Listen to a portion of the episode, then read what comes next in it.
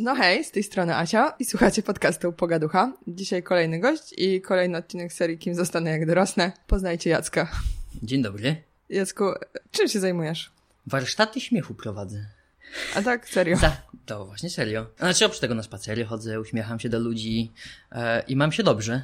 Ale to jest takie po, poważne zajęcie, że wiesz, ludzie idą do pracy normalnie rano, a ty idziesz y, prowadzić warsztaty śmiechu. Nie jest to dokładnie taka sama formuła, ale to jest y, główne źródło pieniędzy w moim życiu. Okej. Okay. I teraz tak się ustabilizowało, albo tak się zrobiło po prostu, że głównie prowadzę e, w dużych firmach na takich zdarzeniach integracyjno, integracyjnych, albo kiedy firma osiągnie jakiś sukces i chcą sobie świętować. To między innymi przeważnie to jest kilka różnych atrakcji e, i w tym ja. Dobra, ale to zaraz nam powiesz, bo my jeszcze nie wiemy, e, czym są warsztaty śmiechu, a więc dlaczego, znaczy, wódka się w Polsce skończyła, że co się stało. Ale to za, za chwilę, wiesz, bo jeszcze mam takie sztandarowe pytanie, Aha. które zadaję każdemu, e, żeby ludzie wiedzieli, jak, jak się poznaje ludzi dziwnych i interesujących i z, z różnych zawodów. Ja e... słuchałem ostatnich kilku twoich podcastów, znaczy tego katalogu twoich podcastów wcześniejszych Aha. i chyba w dziesiątym odcinku mówisz, że, że jakąś sławę z internetu będziesz miała jako gościa, a oprócz tego, że spotykasz jakichś ciekawych ludzi, których chcesz tak e, pokazać światu, bo oni są ciekawi i wspaniali i ja nie jestem w tej kategorii, ja po prostu jestem bratem twojego męża i po znajomości no, to nie jest tak, bo nie, ja poznałam o. ciebie zanim poznałam mojego męża. To prawda! Tak, to jakby mój mąż się wziął ze znajomości swojej z tobą, która jest dosyć logiczna, znaczy taką wynikającą z pewnych okoliczności. Tak, nie, nikt nikogo do rzeki nie wkładał, w koszyku nie znajdował, nie musieliśmy się poznać raz normalnie w domu. Normalnie. Ze szpitala go przynieśli. Być młodszy. tak.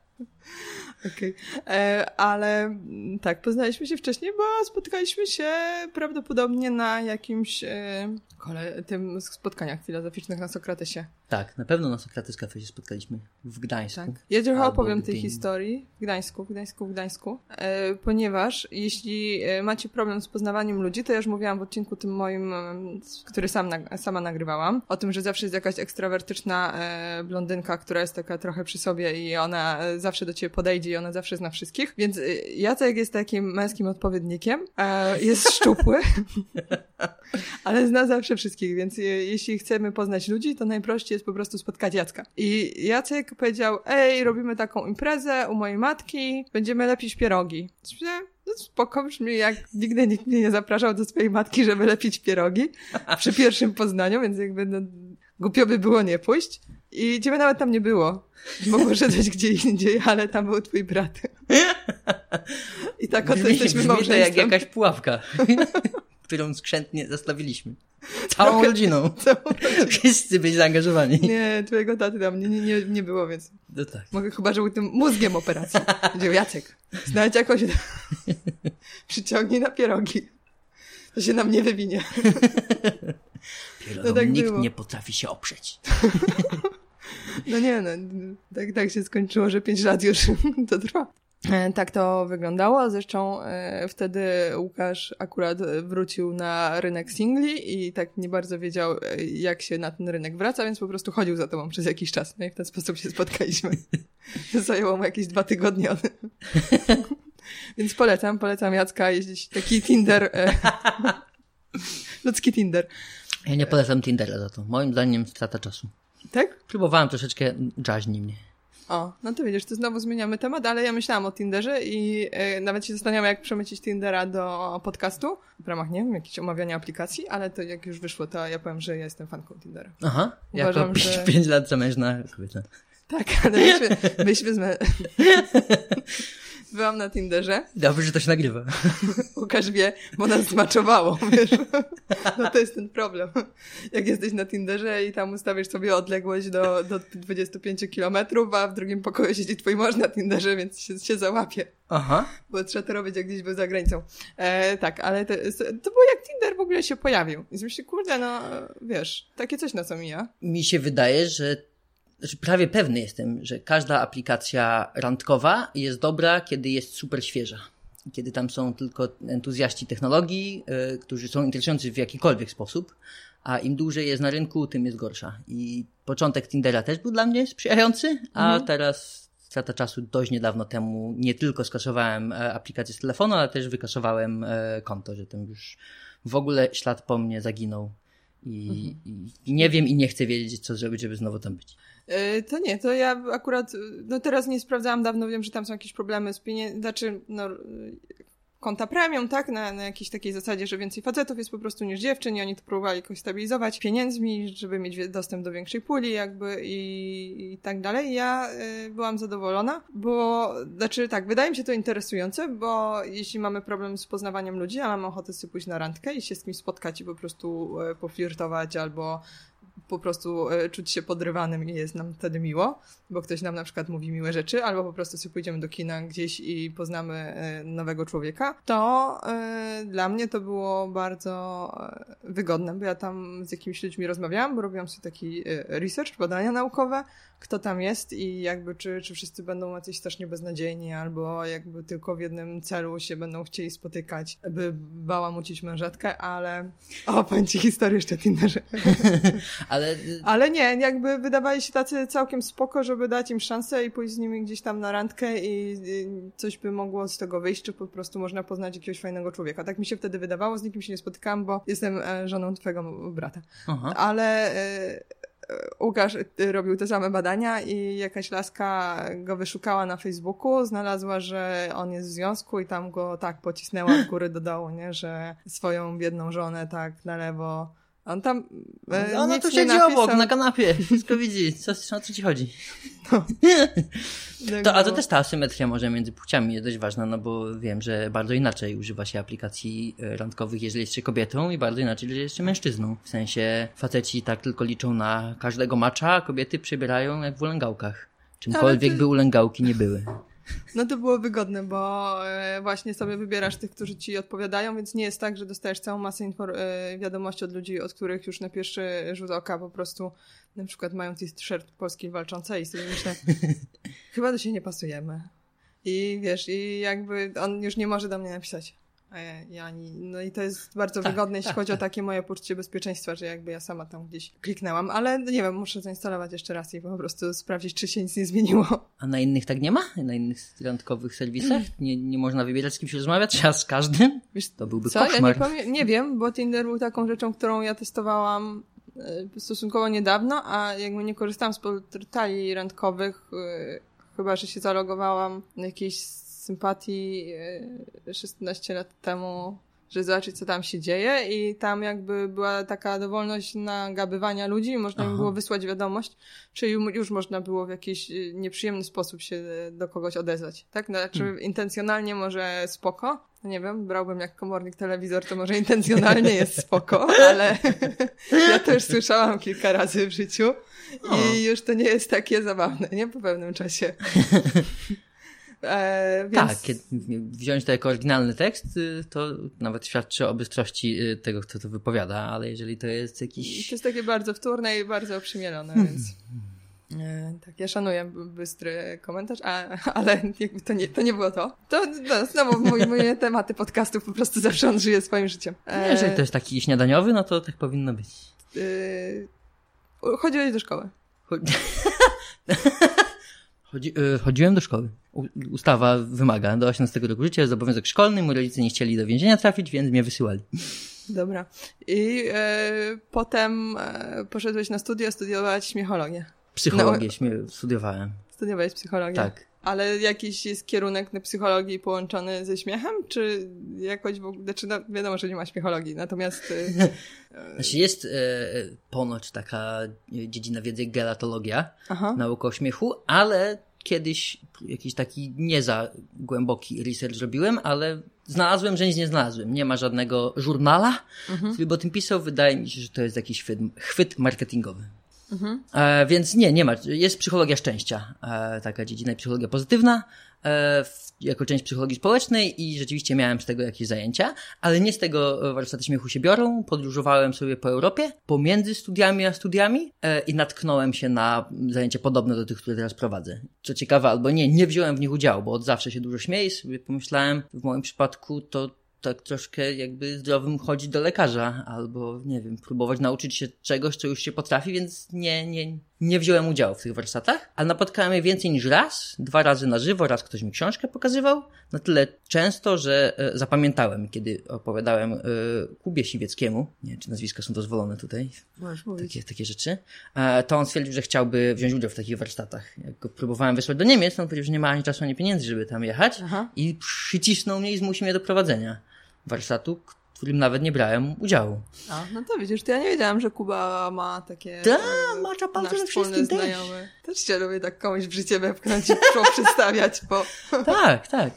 E. Piotra Szymkowiaka też znamy przez Kubę. No to ja wiem. E, no i tak mnie przymusił, zgromadziliśmy jakichś przyjaciół i poprowadziłem pierwsze warsztaty i stwierdziłem, że okej, uczestniczyć nie potrzebuję, ale prowadzi się bardzo przyjemnie. I tak to się zaczęło. Ale to jest w sobie taki naturalny śmiech, bo wiesz, jakby są ludzie, którzy się śmieją. E, ostatni odcinek był z e, właśnie Elką, korektorką, znaczy ostatni przeze mnie opublikowany dwa odcinki temu dla was, słuchaczy. E, to, e, no Ela się zaśmiewa po prostu non-stop, nie? Mhm. Do, do łez i po prostu e, się śmieje tak. Jak coś jest piękne, zobacz jaka piękna brzoza i po prostu się...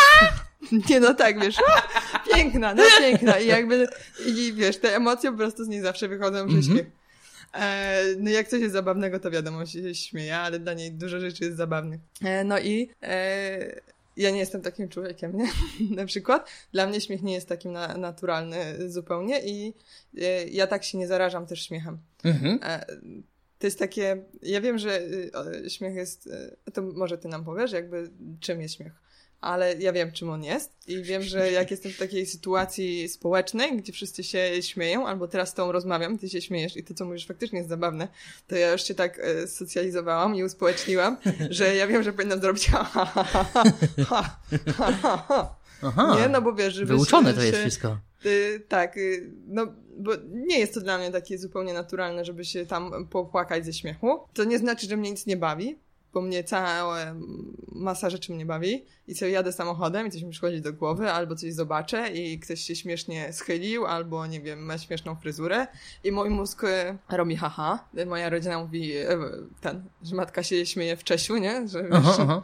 albo ma w ogóle wszystkie emocje w Czesiu i to tam nie, nie wychodzi w twarzy. No ale wiesz, no nie, nie, nie każdy ta, y, taki jest, a ty mówisz, że tak masz, że się ra, radujesz na, na Raduję głos. się, tak, śmieję się dużo. Mhm. Ale też a propos tego nieśmiania się na głos, to słyszałem, mm, że ludzie, którzy zawodowo zajmują się pisaniem żartów, tacy, e, co to amerykańskie programy śmieszne wieczorem w nocy Mhm. w telewizji prowadzą, to oni też wiedzą, które żarty będą śmieszne, ale niekoniecznie się śmieją. Kiedy nowego pisarza do swojego programu zatrudniają, to każą mu kilka żartów swoich opowiedzieć i tak mówią, dobry, ten jest dobry, no, fajny. I, I ponoć to jest dość traumatyczne doświadczenie dla tych nowych pisarzy, no bo Nie nie, widzą, nie widzą reakcji, nie widzą śmiechu, tylko ktoś mówi takim spokojnym głosem, jakby się z nich naigrywał, że nie no, dobry materiał to jest, chyba cię zatrudnimy.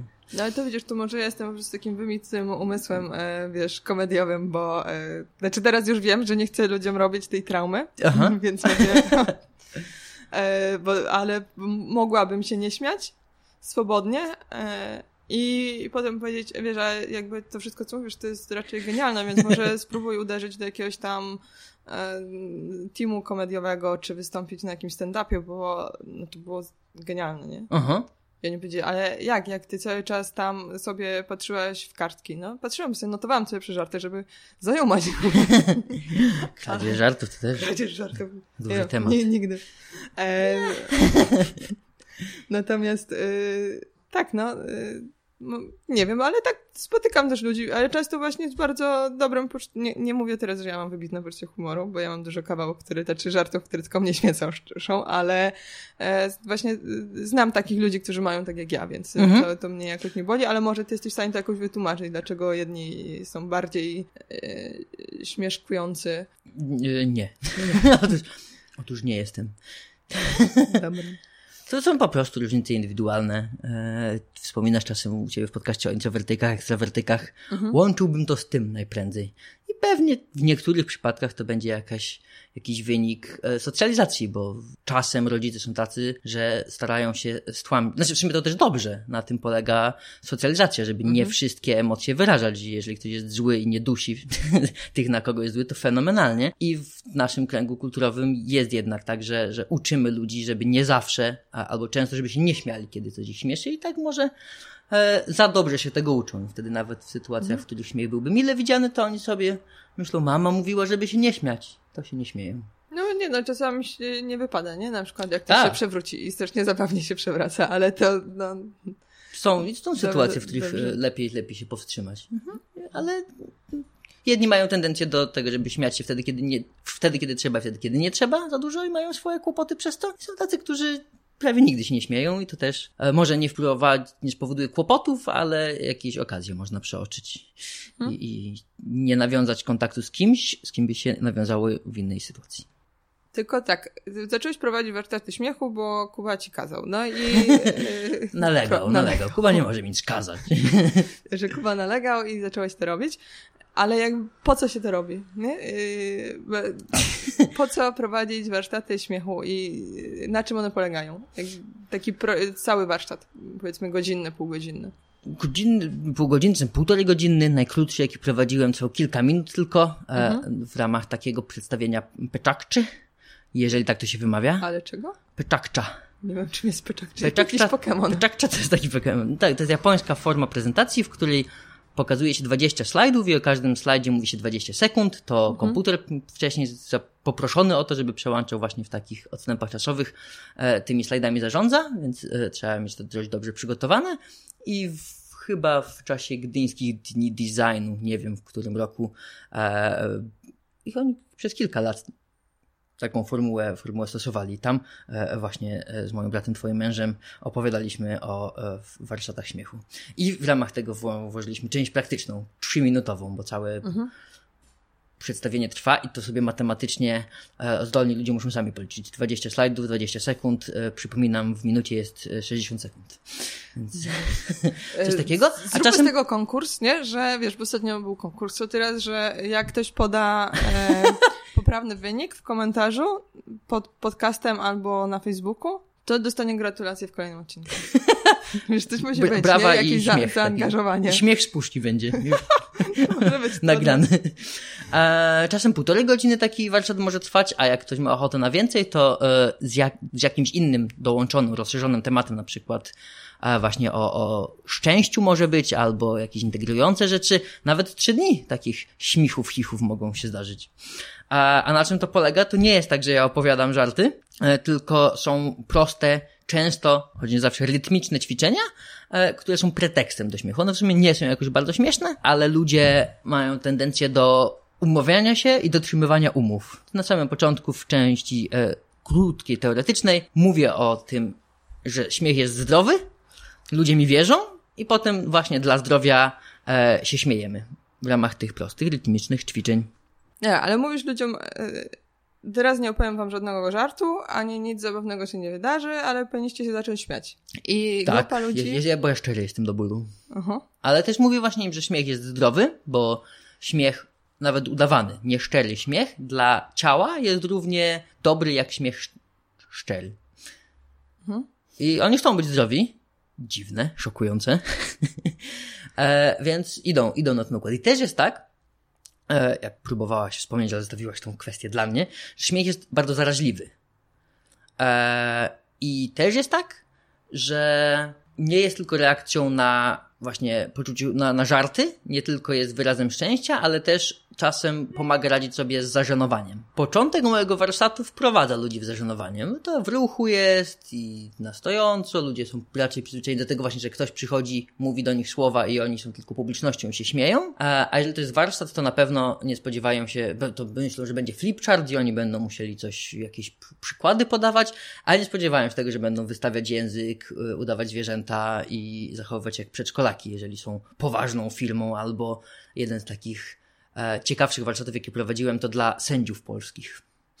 A, no to to musiało być trudne. Bo...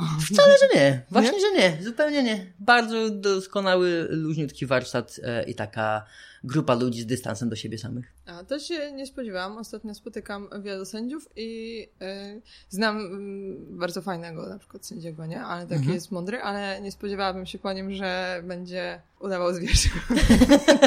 Zazwyczaj go widzę, że jest przystojny i tak poważnie ubrany i yy, wygląda na bystrego człowieka i jak coś mówi, to też jakby potwierdza tezę. Mhm. więc tak, nie, ale pewnie, pewnie tak, pewnie gdzieś tam jest w stanie też reszta sędziów, których znam, e, też pewnie byłaby w stanie gdzieś zluzować. Też myślę, że oni właśnie już udowodnili sobie i światu, że, że są, tak jak mówisz, inteligentni, a czasem też przystojni, chociaż nie wiem, jak to się łączy z sędziowaniem. No e... bo ładniej są e, lepszymi ludźmi.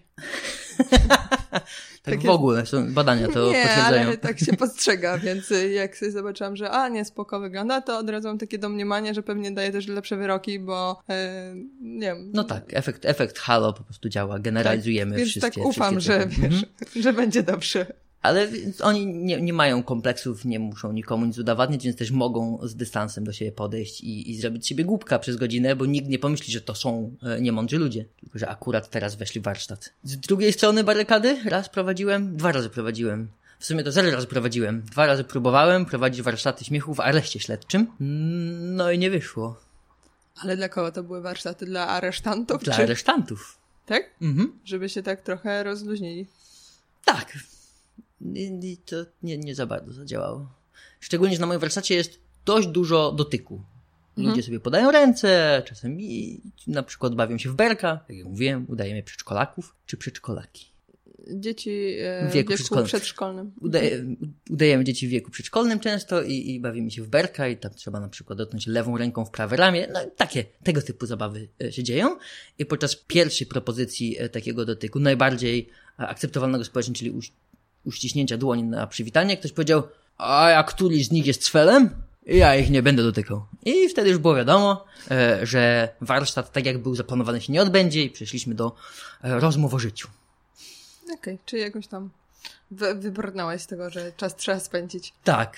Mhm. Ale czy ja, to, to była inicjatywa e, policji, żeby, czy, czy kogo, żeby takie warsztaty zorganizować? Ja gościłem w tamtym czasie w Zielonej Górze mhm. Y, na couchsurfingu i spotkałem po prostu pracowniczkę aresztu, tak rozmawialiśmy o tym, co robię i tak wspólnie pomyśleliśmy, że a może by tak e, w areszcie. I nie, spróbowałem. Znaczy, no, wyszło, że ciężko jest. Ale też wszyscy byli zadowoleni. Oni na chwilę wyszli z celi, poszli do świetlicy, rozprostowali nogi, zobaczyli inne twarze. Ja miałem wyzwanie w tej pierwszej, tak jak nie zrobiłem tego, co przewidziałem, ale w tych rozmowach o życiu jakoś się odnalazłem w tej grupie, z którą mało mnie łączy, ale jakoś tam jednak udało się e, zajmować tą przestrzeń w roli prowadzącego zajęcia.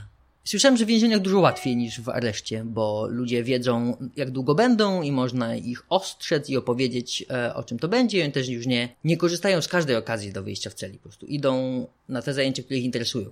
Mhm. A ci po prostu. Nie, wydaje mi się, że areszty, tak jak tam znam wspomnienia ludzi, którzy wylądowali kiedyś e, w areszcie, to jest no, super nieprzyjemny, bo właśnie takim najbardziej traumatyzującym mm, przeżyciem, bo właśnie jeszcze nie jesteś tak. w więzieniu, czyli mm.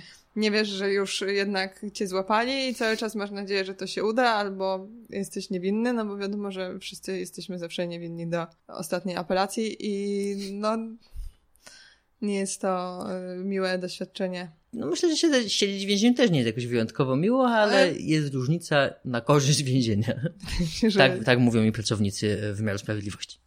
Ty nie wiem. E, bo te, te, jakby na tych studiach nabyłeś dużo wiedzy na temat e, właśnie ta wiedza psychologiczna jest potrzebna, czy to raczej kwestia tego, że po prostu nim... Bo co, jak się śmiejemy, to pracuje nam przypona. Tak. Ale znaczy, na studiach nauczyłem się pracy z grupą, takiej dynamiki grupowej i, i to jest duża, duża rzecz. To mi bardzo pomaga w pracy.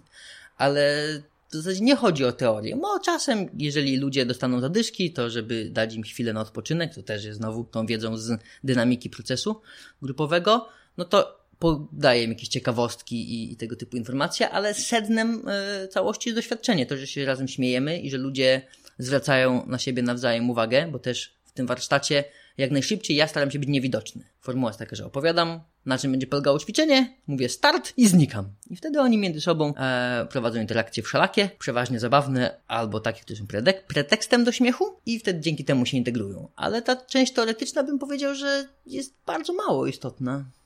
Mhm.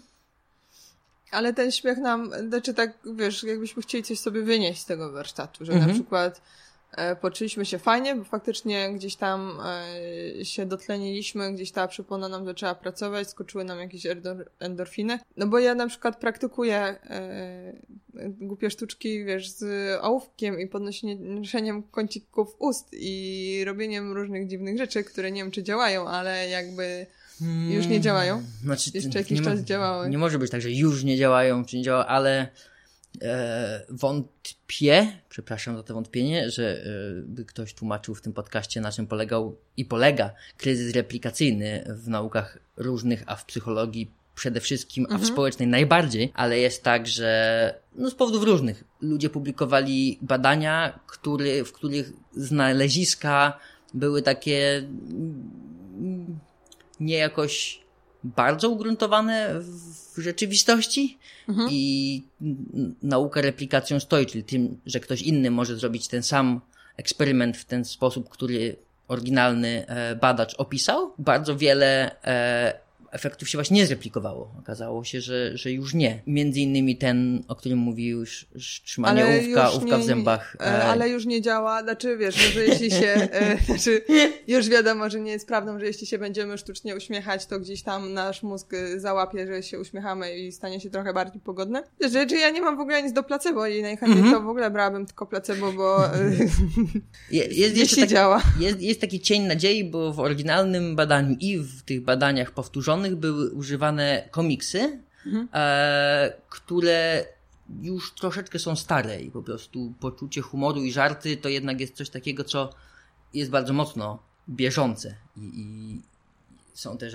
są, jest zjawisko too soon, ale jest też zjawisko too late, więc jeżeli, jeżeli żartujemy sobie e, z czegoś, co już nikogo nie dotyczy, to dla nikogo nie jest śmieszne, więc możliwe, że gdybyśmy podmienili ten materiał, który badał na ile e, bardziej optymistycznie ludzie są nastawieni, może by coś wyszło, ale z 16 grup ludzi, którzy próbowali jeszcze raz zrobić to badanie, czterem wyszło, siedmiu, już nie pamiętam, ale niesatysfakcjonującej e, ilości osób. Więc... Ty pamiętasz, na czym ono polegało? To... Badanie? Mhm. Jasne, że no, to no przecież opowiedz. z wielkim przekonaniem wiele razy na warsztacie opisywałem i właśnie dawałem jako taki powód, dla którego warto robić to, co będziemy robić.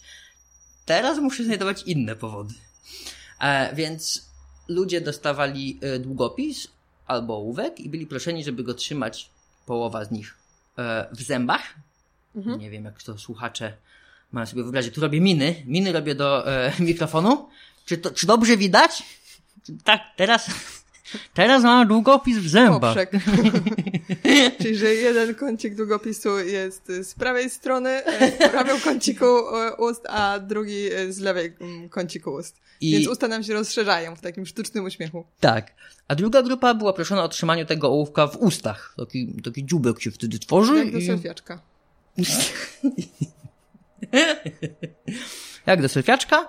E, I, I kąciki ust wtedy e, do dołu są skierowane. I to jest, angażuje to te same jedno, znaczy, oh, to niełatwo się opowiada bez gestykulacji i, mhm. e, i miny. Więc ten pierwszy sposób angażuje te mięśnie, które uśmiech, a ten drugi sposób nie angażują tego, który, który uśmiech. I potem im było pokazane, były pokazywane takie śmiesz, śmieszne obrazki i mieli oni je ocenić na skali od 1 zupełnie nieśmieszne do 7 bardzo śmieszne. I w tym oryginalnym badaniu wyszło, że ci z kącikami ust e, uniesionymi do góry e, to znajdują te komiksy jako śmieszniejsze, a ci drudzy jako mniej śmieszne. Ale nie, nie, nie, nie, się nie replikuje. E, to smutna wiadomość, bo, bo, to był taki prosty przepis na szczęście. zawsze, zawsze spoko. Prawda? E, ale... Ale efekt placebo, oprócz efektu placebo, tak troszeczkę szyję teraz. To, co mówię, nie było e, badane, ale jest takie zjawisko jak ruminacja. Iluminacja to jest takie zanurzanie się w negatywnych myślach. Hmm. Że zamiast rozwiązywać problem, to tylko przedstawiamy go sobie raz na nowo i jeszcze i jeszcze, i gdyby on coraz więcej naszej świadomości zajmuje. I każde rozproszenie się e, z takiego myślenia jest korzystne. Więc jeżeli po prostu chwilę nam zajmie znalezienie tego ołówka i pomyślenie sobie, ale głupio wymyślili ci psychologowie, to już nie myślimy o swoim problemie i to samo w sobie może pomóc. Więc jest jakiś, jakiś znowu cień szansy i ratunku, że na mocy innego efektu niż postulowane na początku, to może pomagać. Ale też byłyby lepsze sposoby. Lepiej się przebiec. Ja to wiesz, nie zawsze możesz się przebiec. To e, i, no ale neurony lustrzane jakby działają, więc przy czy może mamy się uśmiechać przed lustrem. coś, coś wymyślę, muszę znaleźć jakiś inny sposób. Warsztaty śmiechu robi się w grupach ludzi i to, jeżeli to się nie zreplikuje, że ludzie lubią innych ludzi, no to już koniec świata jest, cała psychologia jest do wyrzucenia i moje warsztaty są też do e, odwołania. Wszystkie, wszystkie warsztaty odwołuję, jeżeli się okaże, że ludzie nie czerpią żadnych korzyści ze spotkań z innymi ludźmi. To jest, bym powiedział teraz, e, jeden z głównych zysków i powiem więcej, no bo jest bardzo dużo różnych okazji do spotkań, ale wiele z nich jednak jest takich, że e, uczestnik jest bardziej, mniej uczestnikiem, a bardziej obserwatorem. A w moich warsztatach, na moich warsztatach ludzie, którzy przychodzą, e, są aktywni i każdy coś z siebie daje i to znowu trud źle się kojarzy, ale daje dobre efekty i to też się póki co replikuje. Mhm, ale ty zmuszasz tych ludzi do tego, żeby brali udział, wiesz, jak ktoś ci powiem, znaczy no wiadomo, że w areszcie to możesz nie mieć siły przebicia, żeby ich tam zmusić do czegoś, ale e, jakoś tam nagabujesz, czy, czy masz jakąś taką osobę, wiesz, z dużym sprzeciwem, nie, że ja się nie będę śmiał i nie będę biegał. Nie, no nic na siłę, nic na siłę, bo też przeważnie są duże grupy, ja nie mam czasu z każdym porozmawiać i każdego zapytać, w jakim miejscu życia jest i e, miałem takie zdarzenie, że był rzeczywiście taki pan, e, jak z seniorami prowadziłem warsztaty dość regularnie, który no nie chciał się z nami śmiać. W części teoretycznej uczestniczył, bo to była troszeczkę inna formuła, a, a w praktycznej nie chciał i po kilku miesiącach nam powiedział, że on dość niedawno temu pochował żonę i jemu jest nie do śmiechu, więc wtedy rzeczywiście bardzo źle bym się czuł, gdybym go przez kilka tygodni pod rząd zmuszał do śmiechu kiedy on był w takiej sytuacji, więc nie, na, nic, nic na siłę. Ale no, mam swoje metody i też grupa e, przeważnie jest po mojej stronie. Skoro już ktoś e, zdecydował, że dla tej grupy to będzie dobry pomysł, żeby, żeby takiego człowieka zatrudnić, to prawie na pewno duża część z nich będzie chciała. I oni już pilnują tych, którzy nie chcą, więc gdyby to ja nie muszę, jeżeli zrobię pierwsze dobre wrażenie, to, to w taki spontaniczny sposób e, mam grupę wsparcia i, i policję, więc to oni, to oni już pilnują współpracowników pracowników, żeby, żeby nie psuli warsztatu. A powiedz, e, co ty z tymi seniorami? E, to był jakiś uniwersytet trzeciego wieku? To czy... był uniwersytet trzeciego wieku. I tam prowadziłeś cykliczne zajęcia na temat? Tak. Cały semestr 13 spotkań po 90 minut, z czego 30 minut śmiechu, bo jednak e, nie każdy ma kondycję taką, żeby się śmiać przez półtorej godziny, a oprócz tego o szczęściu było mówione. Ale to nie jest tak, że jak się za długo śmiesz, to masz dostać zawału? Ja bym, wiesz, ja bym, ja, bo ja się trochę bałam, bo na warsztatach byliśmy w weekend, widziałam twoje warsztaty i w pewnym momencie już byłam święcie przekonana, że kilka osób zaraz padnie. A to byłoby takie no, niespecjalnie sprzyjająca okoliczność, ponieważ była to impreza urodzinowa. Wiesz, gdyby matka solenizanta nagle tam się zaśmiała na śmierć, to byłoby to takie... Nie, nie zdarzyło ci się, że ktoś tam zasłabł czy, czy zemdlał? Nie, ale bardzo mnie interesuje, zastanawia mnie, yy, czy to byłaby reklama, czy koniec mojej kariery. Człowiek, na warsztatach którego ludzie umierają ze śmiechu. Prawda? Brzmi, brzmi nieźle, możemy taką plotkę roznosić i sprawdzić, co się stanie. Czy trafię do więzienia? E, czy, czy wręcz przeciwnie. E, no, ja też pilnuję, rozglądam się, widzę, jeżeli mhm. grupa jest bardzo zasapana i e, oprócz w przerwach w śmiechu równie głośno słyszę ich oddech, to wtedy e, troszeczkę zmieniam e, rytm. No, myślę, że bardzo długo. Gdyby się śmiać, to można sobie e, dostać zawału, ale to naprawdę trzeba byłoby się wysilić. Postarać.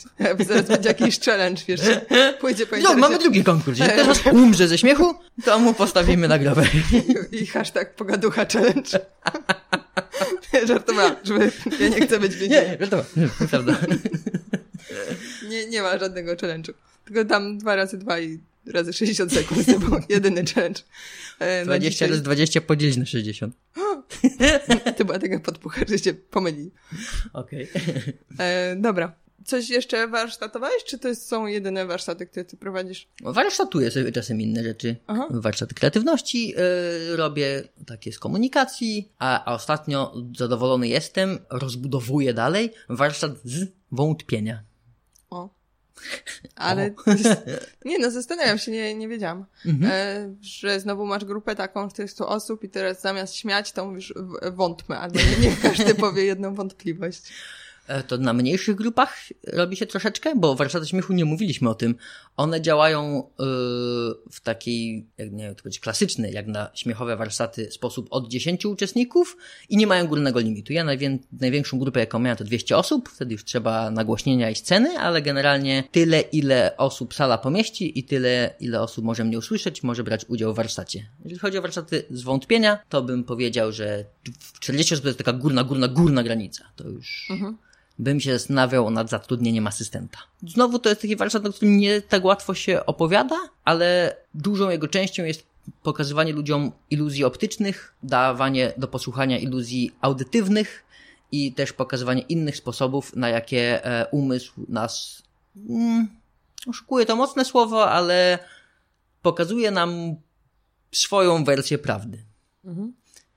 Bardzo, to jest warsztat zachęcający do tego, żeby zwątpić we własną perspektywę i zastanowić się, czy perspektywa drugiej osoby e, nie może być równie dobra, jeśli nie lepsza od tej, którą my mamy w głowie. A i to też będziesz prowadził e, dla takich grup e, jakichś, no bo warsztaty śmiechu to gdzie ty zebrałeś 200 osób? Jakiś festiwal?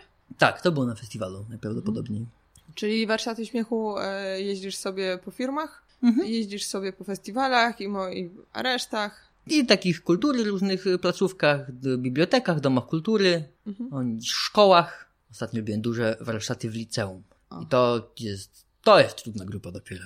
Sędziowie polscy, psz, łatwizna. Nauczyciele tak długo jak na, uczniowie na nich nie patrzą, zero problemu. Dużo ludzi mówi, że uczyć nauczycieli y, to trudne. Jeśli chodzi o mój kawałek, to nie ma z tym problemu. Ale tacy ludzie, którzy chcą udawać dorosłych, nie są najlepsi w udawanie dzieci. Więc licealiści, gimnazjaliści, późna podstawówka, ciężko. Ale dało radę, dało radę. Śmiali się. Ale jaki jest problem z, z licealistami? No, że oni mają swój wizerunek do e, utrzymania i oni mogą się śmiać tylko na swoich zasadach. Nie będą się śmiać, bo ktoś im każe i nie będą robić głupiej miny, bo wtedy niemądrze wyglądają.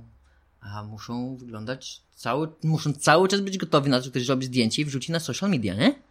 No ale to jest ciężkie. Znaczy ja sobie nie, no jednak w tym liceum to musisz dbać o swój wizerunek, nie? Na przykład bycie mm. mrocznym. I... No właśnie. I jeżeli ktoś ma taki plan gry, żeby być mrocznym, no to na warsztatach śmiechu powinien być... No. I robi. A, a mi ciężko.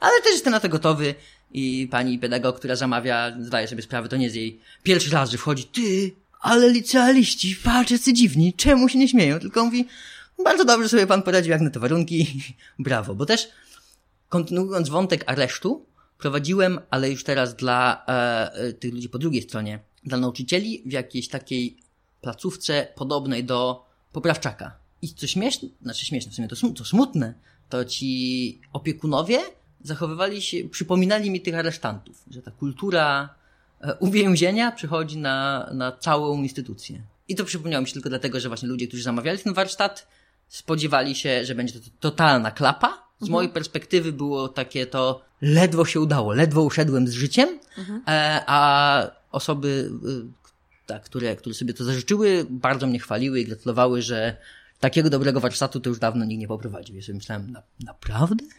Ale ciekawe, może gdyby ich wy... bo to było w tym ośrodku yy, poprawczym, poprawczym. Tak. może gdyby ich wynieść do jakiegoś innego pomieszczenia, żeby jakby oni z tym, no, że takie zakotwiczenie w tym miejscu, w którym jest dosyć ciężko i trudno, no bo jednak to nie jest najłatwiejsza praca na świecie i trzeba się pilnować z każdej strony, bo tam to dopiero możesz trafić na social media, mhm. więc yy, wiesz.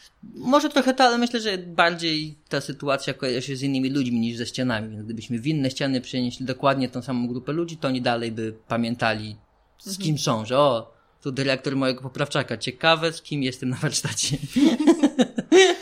okay. No to nie, trudne, trudne sytuacje. Ale na przykład y, słuchałam ostatnio dużo takiego podcastu, to się nagrywa i to prowadzi y, stand-uper i on rozmawia ze stand-uperami. Mhm. E, więc ma taką konwencję też właśnie przepytywania o ich drogę, tylko że to są właśnie stand-uperzy tylko. I e, oni często mówią o takim problemie, e, że są zamawiani, e, strasznie brzmi w ogóle, jak sobie wyobrażasz stand-up, e, jakieś tam gwiazdy, które tam cisną i taki raczej agresywny humor, czy taki wulgarny często, ale raczej y, mi się kojarzy z dużymi scenami, dużymi mhm. publicznościami, a nie, że jesteś zamawiany na wesele. No ale to tak wygląda, że jesteś zamawiany na wesele bardzo często, albo jesteś zamawiany właśnie dlatego, że e, prezesowi się podobało. No tak. bo, bo, prezes był. Tak, tak. I prezesa tak. bawiły.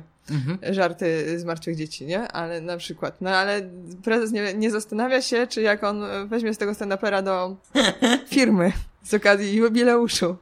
To pani Grażynka będzie tak zachwycona tym żartem, nie? Z recepcji. Mhm. Czy tam pani Teresa, która jest z obsługi klienta. No i jest to dosyć ciężkie, no bo mm, wiesz, i pytanie, czy ty masz takie problemy, że na przykład prezes cię zamówi, bo prezes był zachwycony, bo właśnie widział na jakimś festiwalu e, i się świetnie bawił, a nagle trafiasz do grupy, która w ogóle, wiesz, coś nie, nie klika tam, nie?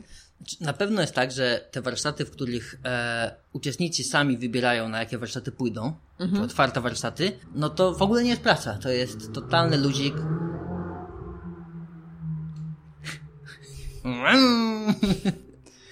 To jest ten czas, kiedy ja się, ja się dobrze bawię, a te filmowe, na których rzeczywiście prezes albo pani w HR-ach, bo wiadomo, że na dzień Szczytona właśnie ma taki otwarty umysł i myśli, o, to im się przyda, na pewno w to wejdą, a potem e, trzeba, trzeba ich jakoś tam e, do tego zaanimować. Jest trudniej, ale też to nie jest ogólnie taka formuła, zatrudnimy człowieka albo nie z perspektywy uczestnika. Przyjdzie jakiś człowiek, który pani z HR-ów zatrudniła i znów też trzeba będzie robić, to ludzie są do tego przyzwyczajeni i jakoś tam nie, nie robią wielce pod górę, a ten a ludzie też lubią się śmiać, a ja też dobrze prowadzę warsztaty, więc nie ma jakichś takich wielkich problemów, chyba że areszt. Nie, ja byłam, ja byłam zdziwiona, że nie, żebym w ciebie nie wierzyła.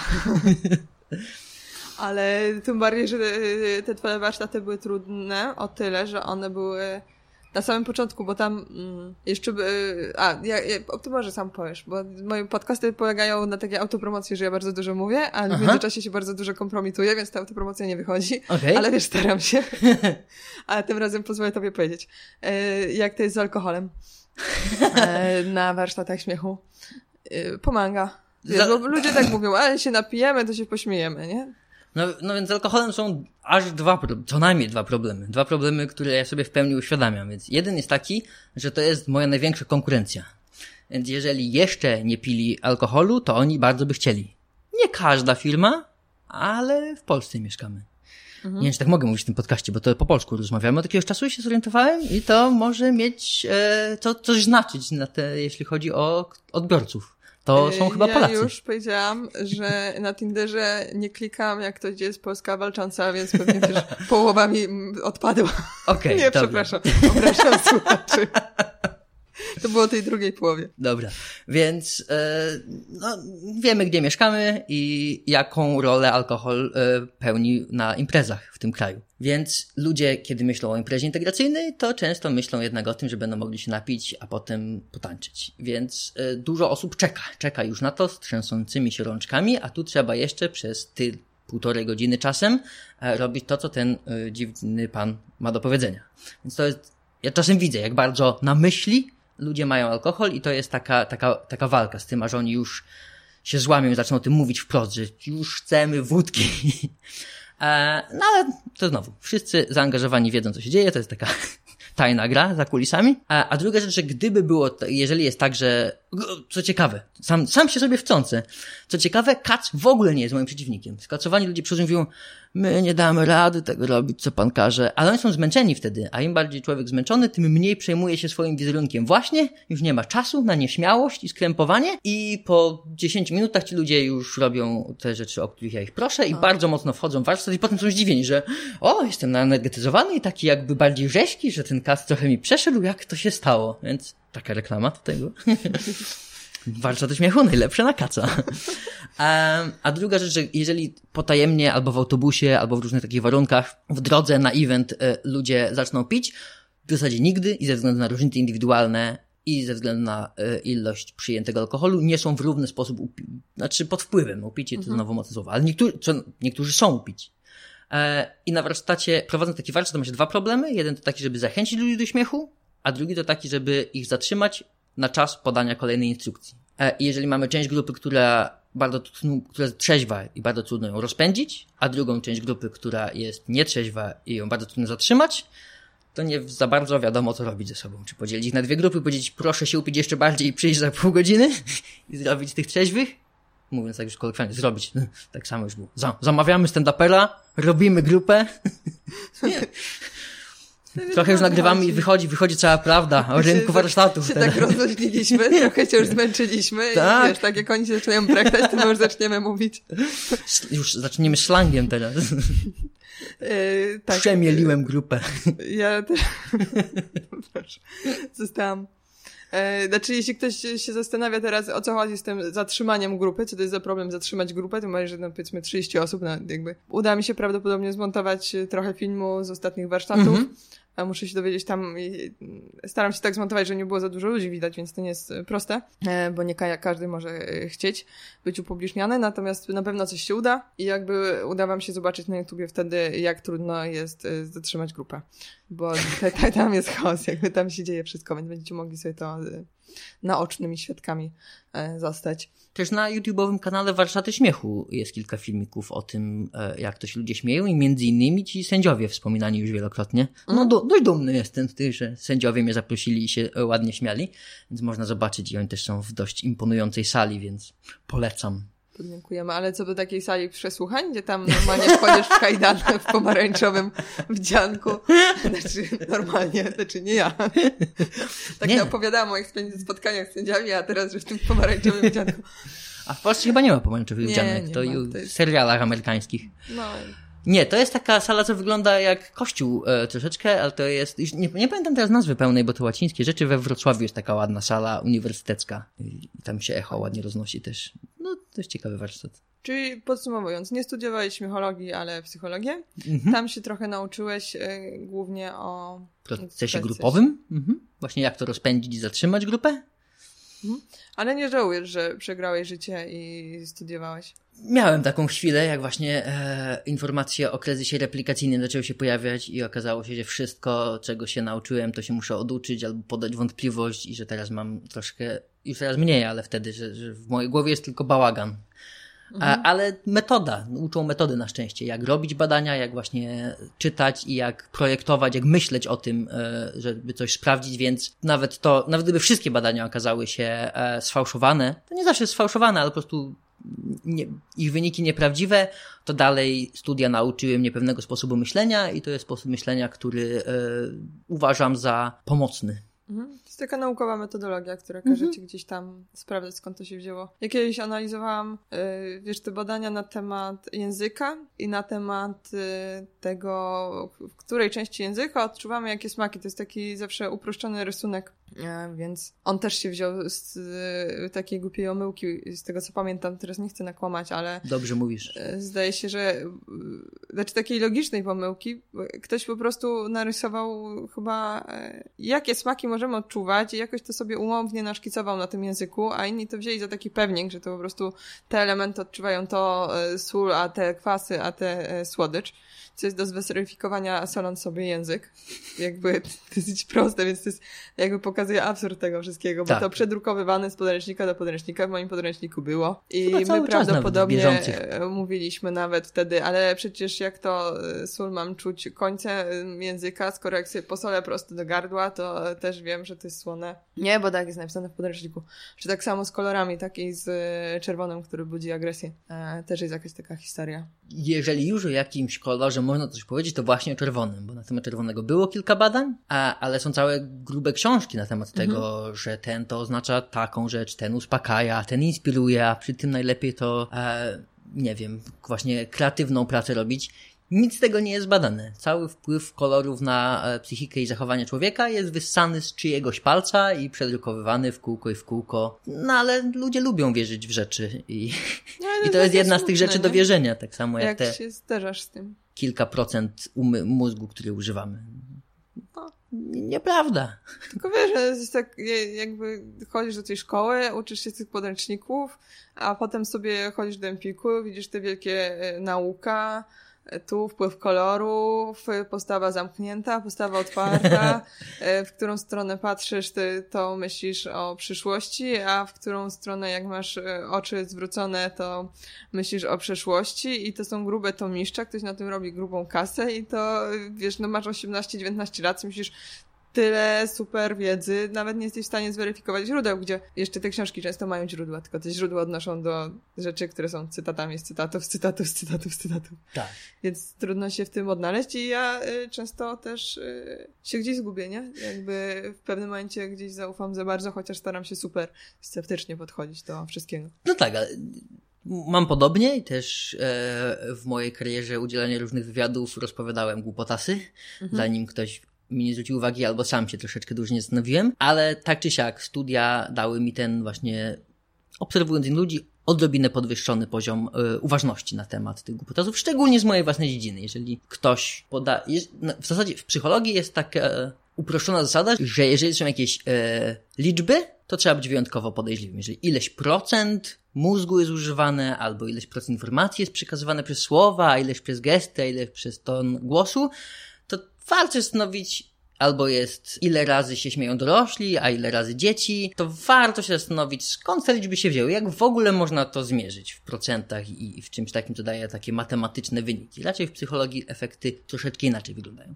Nie zawsze, pewnie są jakieś wyjątki, ale a to jest jeden z takich czerwonych flag. Nie widzisz, ale znowu ja bardzo lubię e, liczby, nie? I do mnie przemawiają liczby. Znaczy, znowu ja mam inny problem, bo na przykład przy całą masę rzeczy czytam na temat tam blogów, statystyk, e, tego, co robić i jak robić. I bardzo dużo ludzi mówi, a ja nie widzę żadnych liczb. Mhm. I po prostu mówi mi, to będzie duży przyrost, nie? Du duży jak? Jak słoń? Czy jak żyrafa? czy jak układ jak... słoneczny? No wiesz, jak duży. E, znaczy, ja też nie mówię, że ktoś ma mi powiedzieć po prostu. E, nie, nie, jeśli odnosimy się no. o, do historii, no to może mi powiedzieć na przykład w przypadku tego a tego, to był spadek rzędu tam, nie wiem, to był spadek o 20%. Aha, no to był spadek o 20%. Dziękuję za informację, nie?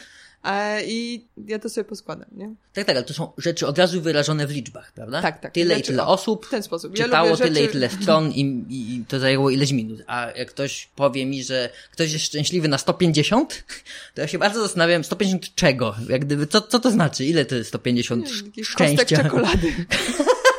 To, no, no właśnie, i, i zaczynają być kłopoty. Tak myślę, że a propos czekolady, że w kulinariach też byłoby dość trudno wyrazić e, liczbami. Są jakieś tam do pięciu gwiazdek, czy w sumie to nawet nie wiem, ile w tych przewodnikach jest gwiazdek, a nie można powiedzieć, że to danie było 30% smaczniejsze od tamtego. To byłoby trudne. Może 30% osób bardziej smakowało to od tego, ale to nie jest dokładnie to samo. I tak są dziedziny, w których e, liczby są podejrzane.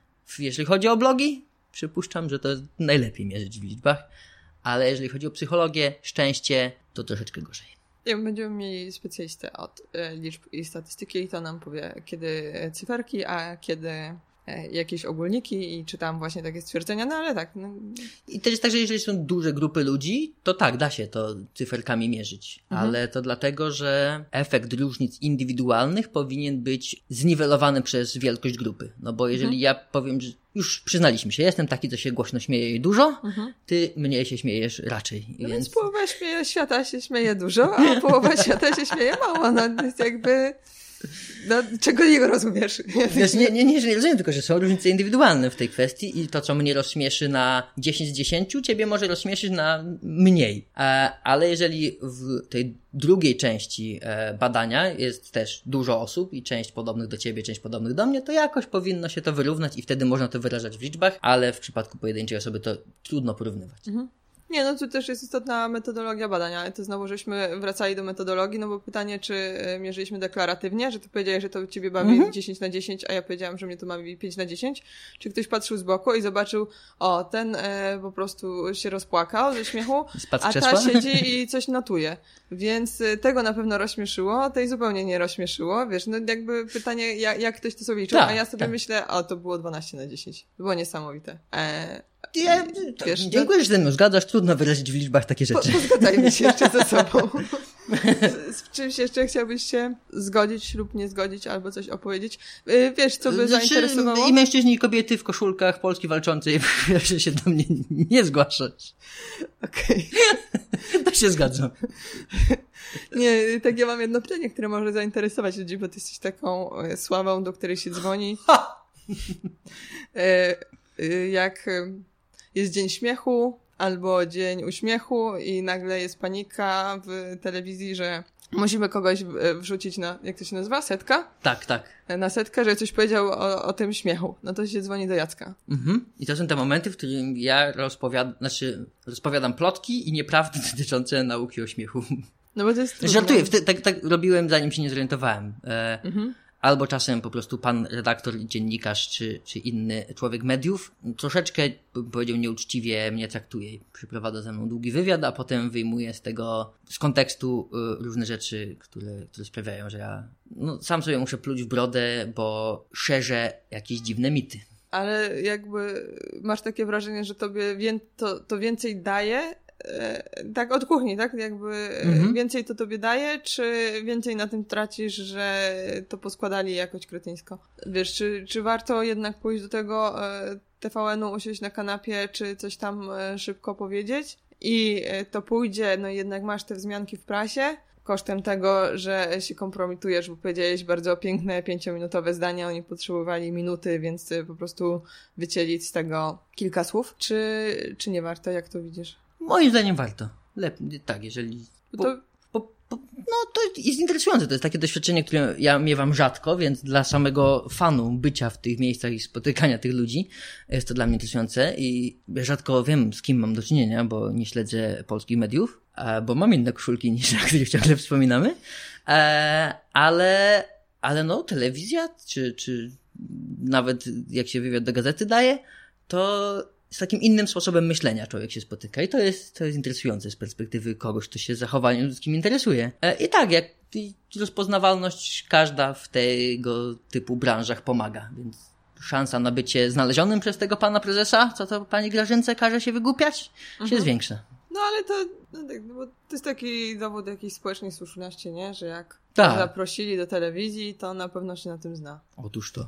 Więc, więc chyba, no ale chciałam wiedzieć, nie? Bo niektórzy mhm. mówią, ale to znowu on, to jest mój problem, jak niektórzy mówią, nie, to jest y, bez sensu. Tam, poza tym, że często to dzwonią wieczorem, każą ci jechać na 6 rano, nie, tam na 5 rano, y, żeby usiąść na kanapie na 5 minut, bo akurat im się zwolniło miejsce na kanapie i muszą znaleźć kogoś, kto tam przy, przy, przybiegnie. To zupełnie nie miało sensu i tak dalej, no ale to są ludzie, którzy już to robili mhm. i jakby nie wiedzą, co by było, gdyby tego nie robili, więc znowu... To prawda, ale też różne dziedziny są. Kilku wykładowców e, z uczelni, w którą chodziłem, właśnie przejechało się w ten sposób i już nie, nie rozmawiają z mediami, bo oni w inny sposób e, mierzą swój sukces. Oni muszą być cytowani przez innych ludzi ze swojej dziedziny, a nie przez jakiegoś tam pana redaktora. To nie przysparza im e, tego, czego potrzebują. Więc jeżeli jesteś naukowcem, to może nie idź do, do śniadaniowej telewizji.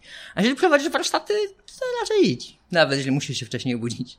Bo wiadomo, że prowadzisz warsztaty dlatego, że lubisz się wysypiać.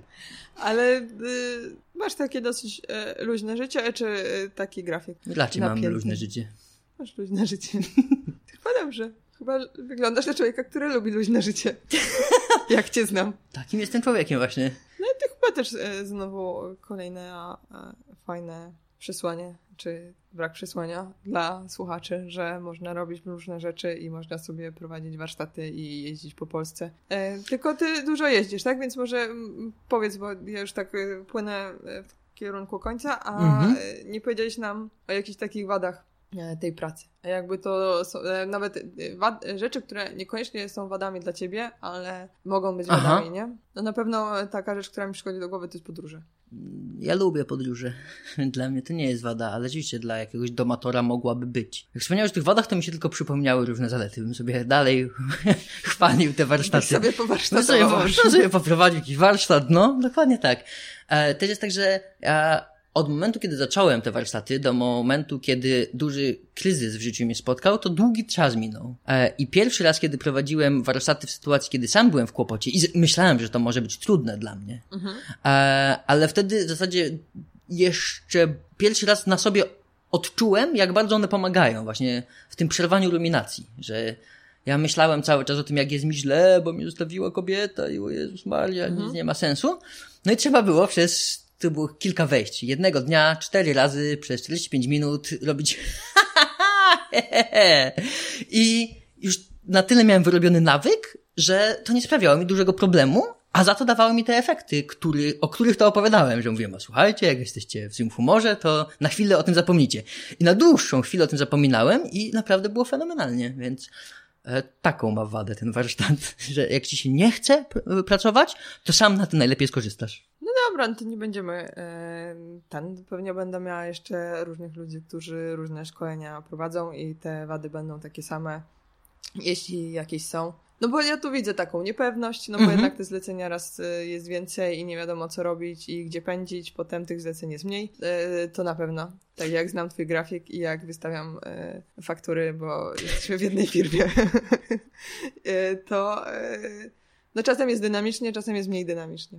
To trochę jest problem pierwszego świata, ale dla mnie problemem jest to, że Dość często już rozmowy dotyczące y, tych warsztatów są dość zaawansowane, już mam wpisany w kalendarz, ludzie już mówią, proszę potwierdzić termin, a potem mówią, a jednak nie. I, i wtedy jest mi smutno sobie myślę, a już miało coś być. I czasem nawet w taki, w taki głupi sposób po tonie głosu, albo po tym, że jakąś ciekawą formułę razem opracowaliśmy, bo był mhm. warsztat specjalnie dla tego klienta wymyślany. Ja już się cieszyłem na, na to, że, że zrobimy coś interesującego, nowego, innego, a się okazuje, że jednak inna akcja została wybrana. I to może też dlatego mi z Tinderem jest niedobrze, wracając do naszego, naszej pierwszej dygresji, że już jakieś tam rozmowy się toczą na tym Tinderze, a potem się okazuje, że do niczego nie dochodzi, że ludzie po tej drugiej stronie, nawet nie, że e, wystawiają kogoś, czy mnie w zasadzie. Jak, jak to mhm. kogoś? Mnie! To przecież ja mam tego Tindera. e, tylko, że stłużą. Stłużą albo im coś się w terminach popsuje i to jest takie dla mnie, tak, właśnie ja już się optymizmem e, napełniłem, a tu trzeba e, gdzieś to wypuścić bokiem, bo, bo jednak nie warsztat, bo jednak nie randka. No widzisz, ale to dlatego pesymiści podobno żyją dłużej. Czy to się znowu nie sprawdziło? się mniej rozczarowują. Ja też jestem przekonana, Nie znam takiego wiesz... badania, nie znam takiego badania, znam przeciwne. Znam właśnie, że optymiści żyją dłużej. Ale kryzys replikacyjny, to nic nie wiadomo. Nie wiesz, nie, nie jestem, rzadko jestem rozczarowana, nie? Aha. A, nie, nie kopouchy, nie? Nic nie wyszło. Tego się spodziewałam. Nie, nie zaskakuje mnie to. Tak myślałam. A, wysypie się. Odcinek się nie nagrał. Hm. Od początku byłam pewna, że się któryś nie nagra. No trudno. Ten dzień musiał przyjść. Były takie badania dotyczące tego, e, jakich ludzi lubimy i pierwsza intuicja i nawet kilka badań potwierdzało tę intuicję była taka, że lubimy tych, którzy nas chwalą. A potem się okazało, że lubimy tych, którzy mówią o nas tak, jak my o sobie myślimy. Więc jeżeli ktoś by cię bardzo komplementował, a ty myślisz sobie kiepsko, to sobie myślisz, co za głupek, nie zna życia. Nie, to, to takie mam odczucia. Bo ja często mówię o tym, że lubię, jak ktoś mówi coś miłego, mhm. ale e, ja lubię, jak ktoś mówi, że mój podcast jest fajny, bo ja bym chciała, albo że fajnie pisze, bo ja bym chciała, ale jak ktoś na przykład e, powie, mam takiego kolegę, e, ale jakby to nie, nieistotne, ale on zawsze chwali jakieś cechy, których albo ja w sobie w ogóle nie lubię, Mhm. Albo uważam je za nieistotne. Ale co na przykład? Pięknie mlaskasz przy jedzeniu, tak ci się nie, fajnie no... wylewa zupa na, na koszulkę. No, na przykład, kurde, ciężko mi teraz znaleźć przykład, ale... Aha. Ja szybko też odkłamię, że tak wymyślam na bieżąco. My się znamy, ale elegancko je Asia, nie ma problemu, nic się jej nie wylewa na koszulkę. To nie był żaden przykład z życia wzięty. Więc, no na przykład, jak ty pięknie siedzisz w domu z dziećmi, nie?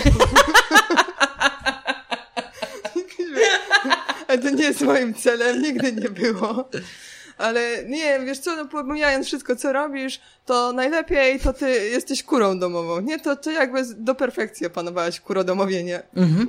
What the fuck, jakby, no, jak, jeśli mnie znasz i uważasz, że mnie lubisz, no to chyba wiesz, że nie mówisz mi, że jestem idealną kurą domową, tylko, że coś tam jednak poza tym domem e, się udaje, nie? Więc to, to jest niby miłe i niby chwali jakąś cechę, którą mam, bo jestem wyborną kurą domową, ale jakby nie, nie, nie jest to takim, wiesz, e, przewodnią myślą mojego życia, e, więc niekoniecznie trzeba to komplementować. E, nie wiem, czy, czy jasno się wyrażam. Dobra, e, dojechaliśmy do końca. Dziękuję Ci bardzo, Jacku. E, ostatnio bardzo, mamy Asiu. takie śmieszkowe e, podcasty, że wszyscy, wszyscy się śmieją, ale to dobrze, ja się potem e, lepiej czuję. Może, Ja się może jednak jest też spoko. tematyką śmierci. Myślę, że w społeczeństwie za mało się o tym mówi, więc gdybyś chciała się posmucić kiedyś, to znów mnie zaproś, porozmawiamy o śmierci. Jestem Domach mor- pomocy. Do, nie, nie pomocy, tylko. Jezu, jakie Jak się nazywają te pomocy? domy? Opieki? Tak, domach opieki. A co ty robisz W od domach opieki? Nic tam nie robię, tylko Znaczy, myśl, myślę sobie o nich.